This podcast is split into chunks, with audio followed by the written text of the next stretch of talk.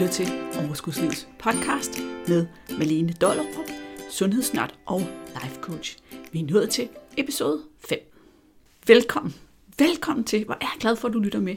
Uanset om det er allerførste gang, du lytter på podcasten her, eller du har hørt de fire første afsnit, så har du noget godt i vente i dag. I dag skal vi tale om viljestyrke. Og lige inden at vi går i gang med det, så vil jeg da lige sige til dig, at hvis du ikke har lyttet til de fire første afsnit, så synes jeg bestemt, du skulle gøre det. Der er gode guldkund at hente. Men viljestyrke er et af mine yndlingsemner, fordi at rigtig mange af os, vi prøver at klare alting på viljestyrke. Og nogle gange så siger vi, jeg har bare ikke viljestyrken til det. Men viljestyrke er ikke noget, vi har eller mangler. Viljestyrke er noget, som der er en mængde af i vores liv, og vi kan ikke hele tiden, hver time i vores døgn, præstere fuld viljestyrke. Men vi kan optimere den med nogle strategier. Det, som jeg præsenterer dig for i dag, er inspireret af en fyr, der hedder James Clear, og han har et blogindlæg på jamesclear.com willpower, hvor nogle af de her ting faktisk uddybes, med nogle eksempler og med nogle henvisninger til noget forskellig forskning. Så hvis du gerne vil dykke ned i det, så synes jeg, du skulle tage et kig på den side. Men man kan sige, hvis vi skal definere viljestyrke, hvad er det så? Hvad er viljestyrke? I bund og grund så kan man sige, at viljestyrken det handler om at vælge den smerte, der er i at disciplinere sig selv, over den nemhed, der er ved at give op eller give efter, eller lade sig distrahere. Det er jo basically det, det handler om. Noget af det, som der øh, gør vores viljestyrke mindre, altså som tærer på viljestyrken, det er for eksempel tilgængelighed. Altså, sidder du på dit arbejde, laver dit job, og er der ingen kage nogen steder, eller noget slik eller noget andet, så er det ikke så svært at lade være at spise. Kommer de alle sammen løbende med den ene lækkeri efter den anden og stiller foran dig, så er det rigtig svært at lade være at spise. Går du ned igennem skoven og dufter til de dejlige blade og den dejlige natur, har du ikke lyst til at spise noget fra bageren, men går du hen ad gaden og er lidt sulten, og der dufter skønt fra bageren, så er det helt sikkert sværere at lade være at gå ind og købe noget hos bageren. Så det er altså ikke lige meget, hvor tilgængelige tingene er. Og hvis vi gerne vil optimere på vores viljestyrke, så er det selvfølgelig også en knap, vi kan skrue på. Der er mange steder ude i samfundet, hvor vi ikke rigtig har noget at skulle have sagt kan man sige. Vi har ikke noget at skulle have sagt om, hvor bageren placerer sin butik, og hvordan han ligesom sørger for, at alle duften inden for bageriet tilfældigvis kommer ud på gaden, når du kommer forbi. Vi har heller ikke noget at stille op mod, at supermarkedet godt ved, at det er sådan, vi har det, og derfor stiller alle fristelserne i øjenhøjde og gør det nemt for os at vælge fristelserne frem for det sunde. Men der er andre steder, hvor vi kan optimere og gøre det nemt for os selv.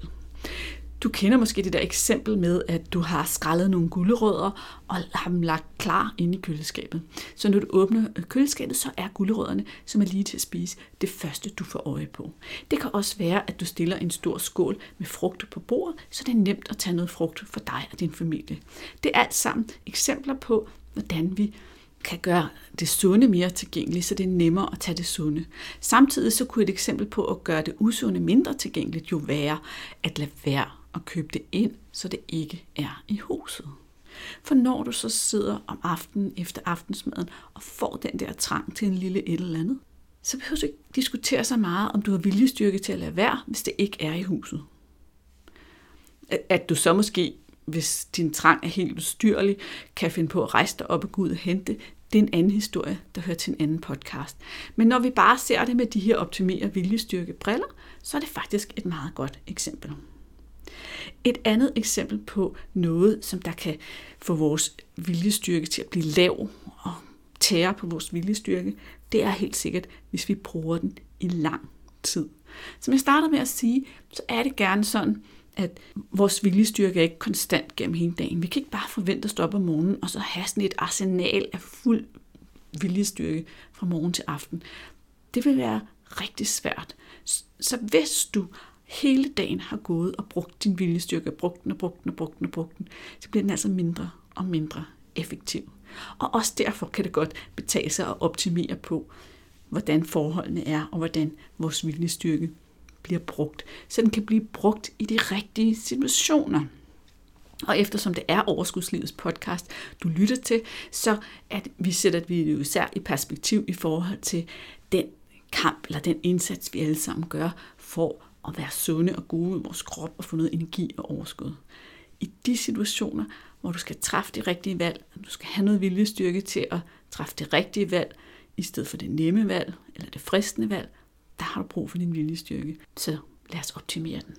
Et tredje eksempel på noget, som der tager på din viljestyrke, og som man altså også har vist ved forskning, at sådan er det bare, det er søvnmangel. Så jo mindre du sover, jo dårligere du sover, jo mere du slækker på at passe din søvn, jo sværere er det også for dig at præstere nogen form for viljestyrke. Så nu ved du det altså. Du ved, hvorfor at det er så meget sværere for dig, når du har snydt og sovet for lidt, eller omstændighederne har gjort, at du har sovet dårligt, og sige nej tak til alle fristelserne ude i verden. Det er både, når det gælder mad og sukker i hvert fald, både det her med, at hjernen simpelthen har sværere ved at oparbejde viljestyrken, har sværere ved at udsætte belønningen, og så er det altså også, at man har også vist, at din appetit simpelthen stiger, når det er, at du sover for lidt. Men igen, nu snakker vi viljestyrke, så jeg prøver lige at holde mig til emnet her, ellers så klarer jeg det med at løbe helt ud af en tangent, og så bliver podcasten alt for lang. Noget af det, som så omvendt kan oppe din viljestyrke, højne din viljestyrke, det er så for eksempel indretning. Altså, gør det nemt for dig selv. Det er lidt det samme, som jeg snakkede med med tilgængelighed. Gør det nemt for dig selv at få det sunde. Gør det besværligt for dig selv at få det usunde. Jo flere barriere du kan sætte op mod det, som du prøver at undgå, jo nemmere. Og det er jo ikke kun mad, det kan også være motion og alt muligt andet. Så du indretter dit liv og din dag på en måde, sådan at du optimerer din viljestyrke. Der er også noget andet, som man har vist, der virker rigtig godt i forhold til det her med at præstere. Og igen, når nu vi øh, forholder os til, at viljestyrke er lidt at føle ubehaget ved disciplinen over frem for nemheden ved at give efter eller lade sig distrahere eller dulme, så er det at udvikle vaner og ritualer. Ritualerne må rigtig gerne indlede en vane. Og det kan være for eksempel, at, øhm, at du tænker på et eller andet, du gerne vil. Jeg gav sådan et eksempel her den anden dag på, at når jeg stod op om morgenen, så tog jeg mine træningsbukser på og kom ikke i bad, før at jeg havde trænet. Nu går jeg så på et eller andet tidspunkt og har lyst til at komme af med de her træningsbukser og komme i bad, og så har jeg ligesom sat øh, den her barriere op, at jeg skal træne først, og det er også et ritual for mig. Jeg har taget mit træningstøj på.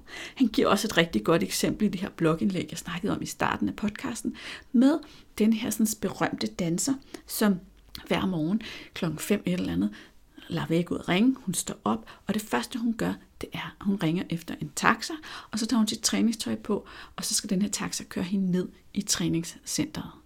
Det er et ritual, der kommer før vanen. Det er ritualet, der kickstarter, at hun går i gang med det, som hun gerne vil have som vane.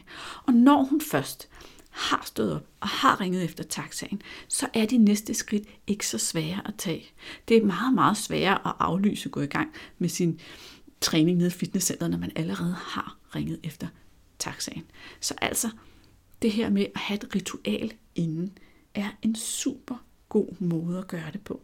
Du kan tænke lidt over, hvordan at du kan skabe ritualer i dit liv, som kan gøre, at du går i gang med et eller andet. For mig, nu, nu snakker jeg træning igen, fordi det er så dejligt konkret, men der kan det også være, at øh, inden jeg skal i gang med at træne, så går jeg ud, jeg laver mig mit glas vand, jeg sætter mig ned og tjekker, hvad er dagens program. Det er ritualet.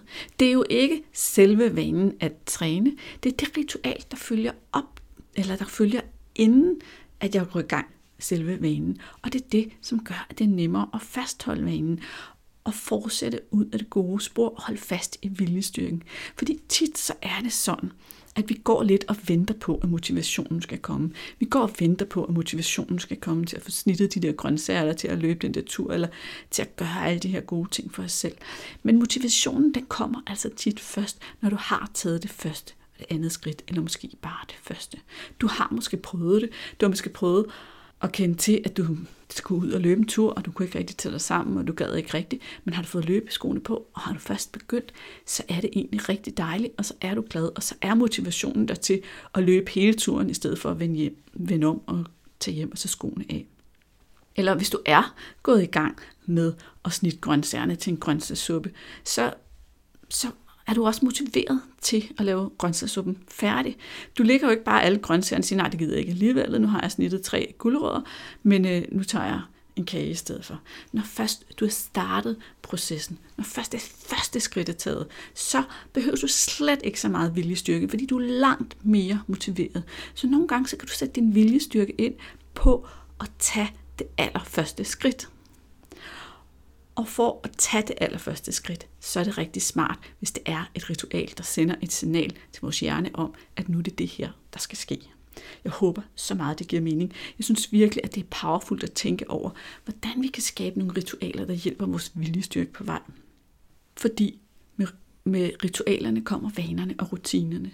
Og når først noget er rutine, så er det jo super nemt. Det sidste, jeg vil sige, når det gælder viljestyrke, det er også, at du skal tro på din succes. Du skal tro på, at det virker. Og et godt eksempel er det her sådan, øhm, skumfidusforsøg, som du måske engang har hørt om, hvor nogle forskere har sat nogle børn foran en skumfidus ind i et rum, hvor de bare sad og kedede sig, og så har de sagt, nu går jeg ud, og du må ikke spise skumfidusen, og når jeg kommer tilbage igen, så får du to skumfiduser, hvis du ikke har spist den. Og der undersøgte man så, hvordan børnene reagerede, og nogle spiste den med det samme, og nogle behovsudsatte et stykke tid, og nogle lykkedes med ikke at spise skumfidusen og fik belønningen af to.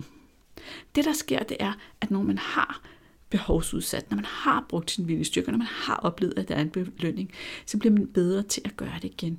De lavede nemlig så, de her forskere, et nyt forsøg senere, hvor de lavede den samme øvelse. Men det, der skete, var, at nogle af de børn, der behovsudsatte og blev lovet et eller andet, de fik det ikke.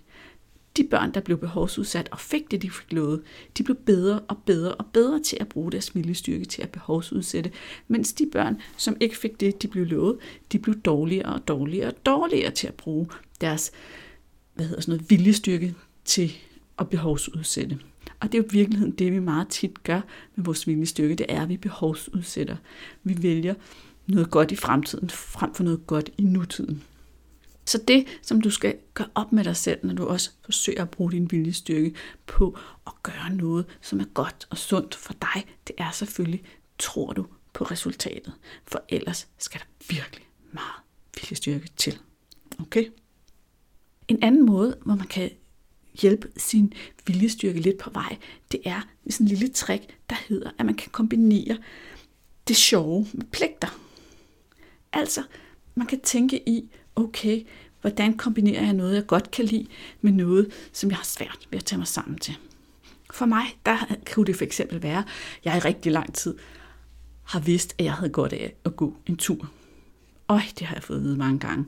Også fordi jeg har været i noget stressforløb og alt muligt. Det er rigtig godt for mig, og jeg ved, det er godt for mig. Og jeg kan godt lide det, når jeg er derude, og kan godt lide det, når jeg er taget sted, men jeg har svært ved at tage mig sammen. Men til gengæld, så elsker jeg at lytte til podcast. Det er jo også derfor, jeg har startet en podcast, fordi jeg simpelthen synes, det er helt fantastisk at gå og få læring ind gennem ørerne på den måde. Så det jeg gør, det er, at jeg siger til mig selv, prøv at høre her, du må høre podcast, når du går tur okay, nu har jeg kombineret noget, jeg synes, der er sjovt, med noget, som der er mere pligtorienteret. Det kan også være, at du ikke synes, det er sjovt at stryge skjorter. Jamen så må du kun se en eller anden bestemt Netflix-serie, mens du stryger skjorter. Så får du ligesom holdt dig selv op på at få sammenhængen mellem noget, som du bryder dig om, og noget, som du kan synes er en lille smule anstrengende. Det kan også være, at du har et yndlingssted, at gå ud og spise, eller du er vild med sushi eller et eller andet andet, og du beslutter dig for, at du kun må spise sushi, når du har gjort huset rent. På den måde, så kan du ligesom kombinere noget positivt med noget negativt, og gøre det, eller negativt, med noget, som der er sværere, som kræver mere viljestyrke af det, og på den måde gør det nemmere for dig at gøre det, du gerne vil, uden alene at skulle trække på din viljestyrke.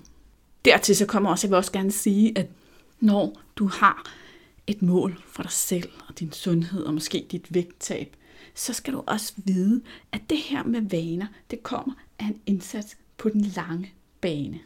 En anden ting, du kan gøre, når det gælder, når det gælder din viljestyrke, så er det, at du kan planlægge på forhånd, hvad dit svar på forskellige udfordringer i din dag vil være.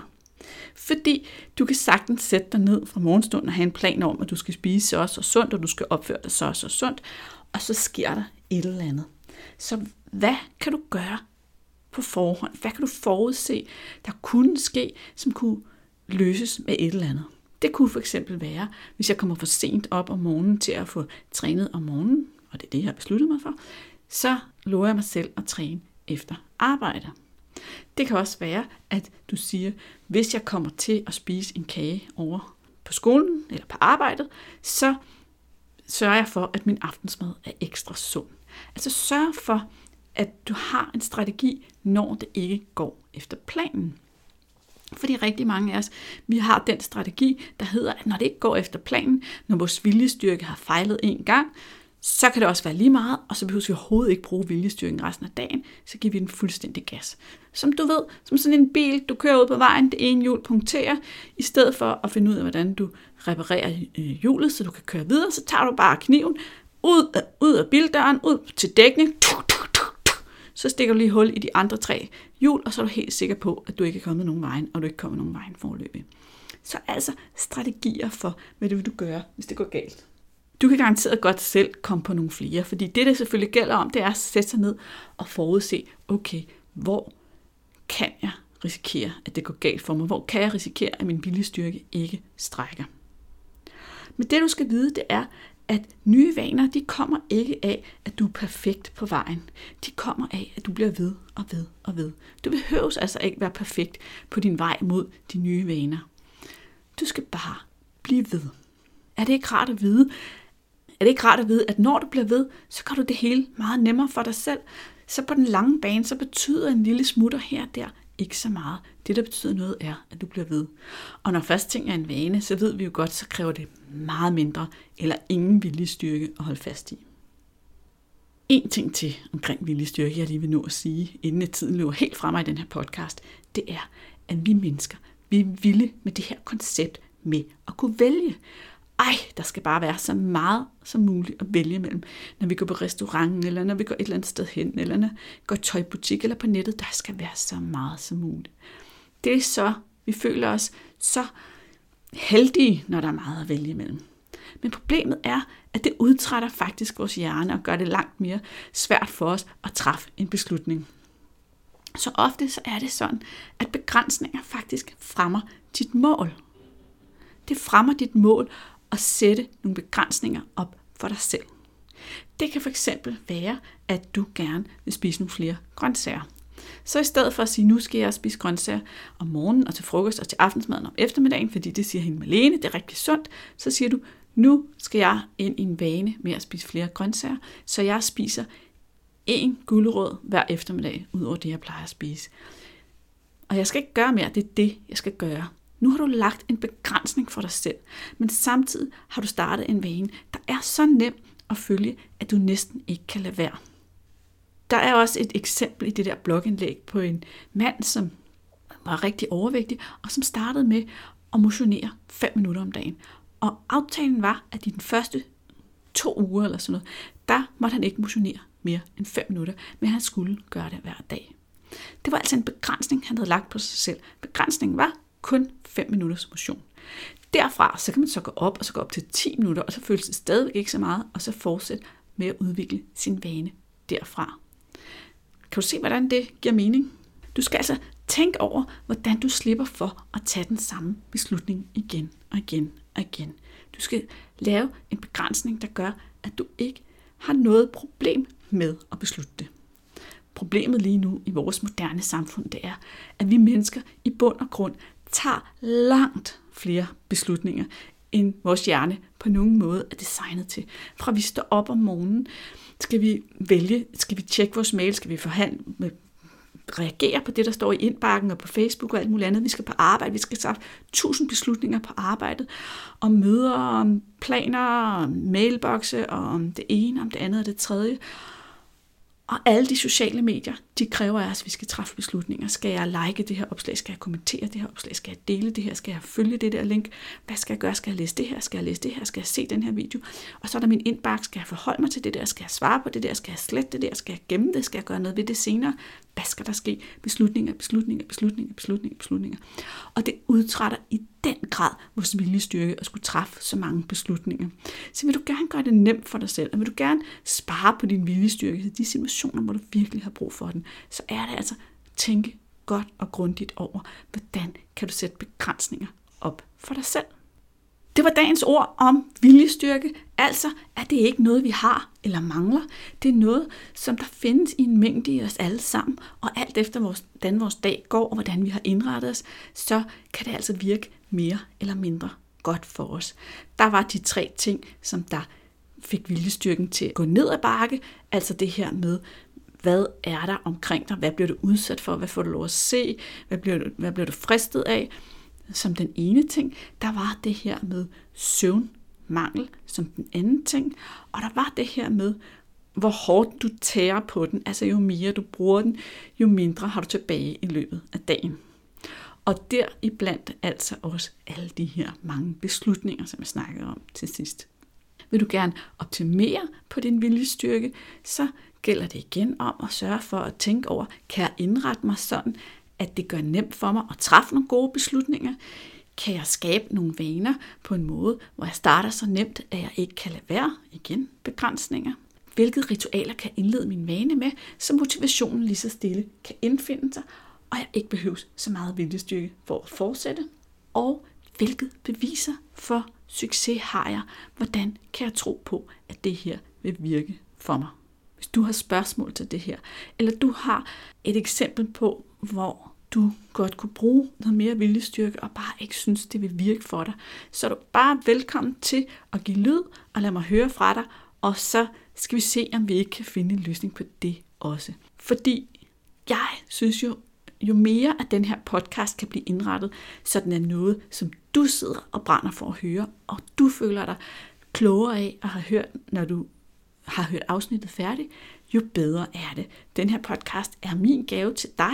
Det er mit ønske, at du bliver inspireret og slukker den og føler, at du har fået nogle nye indsigter.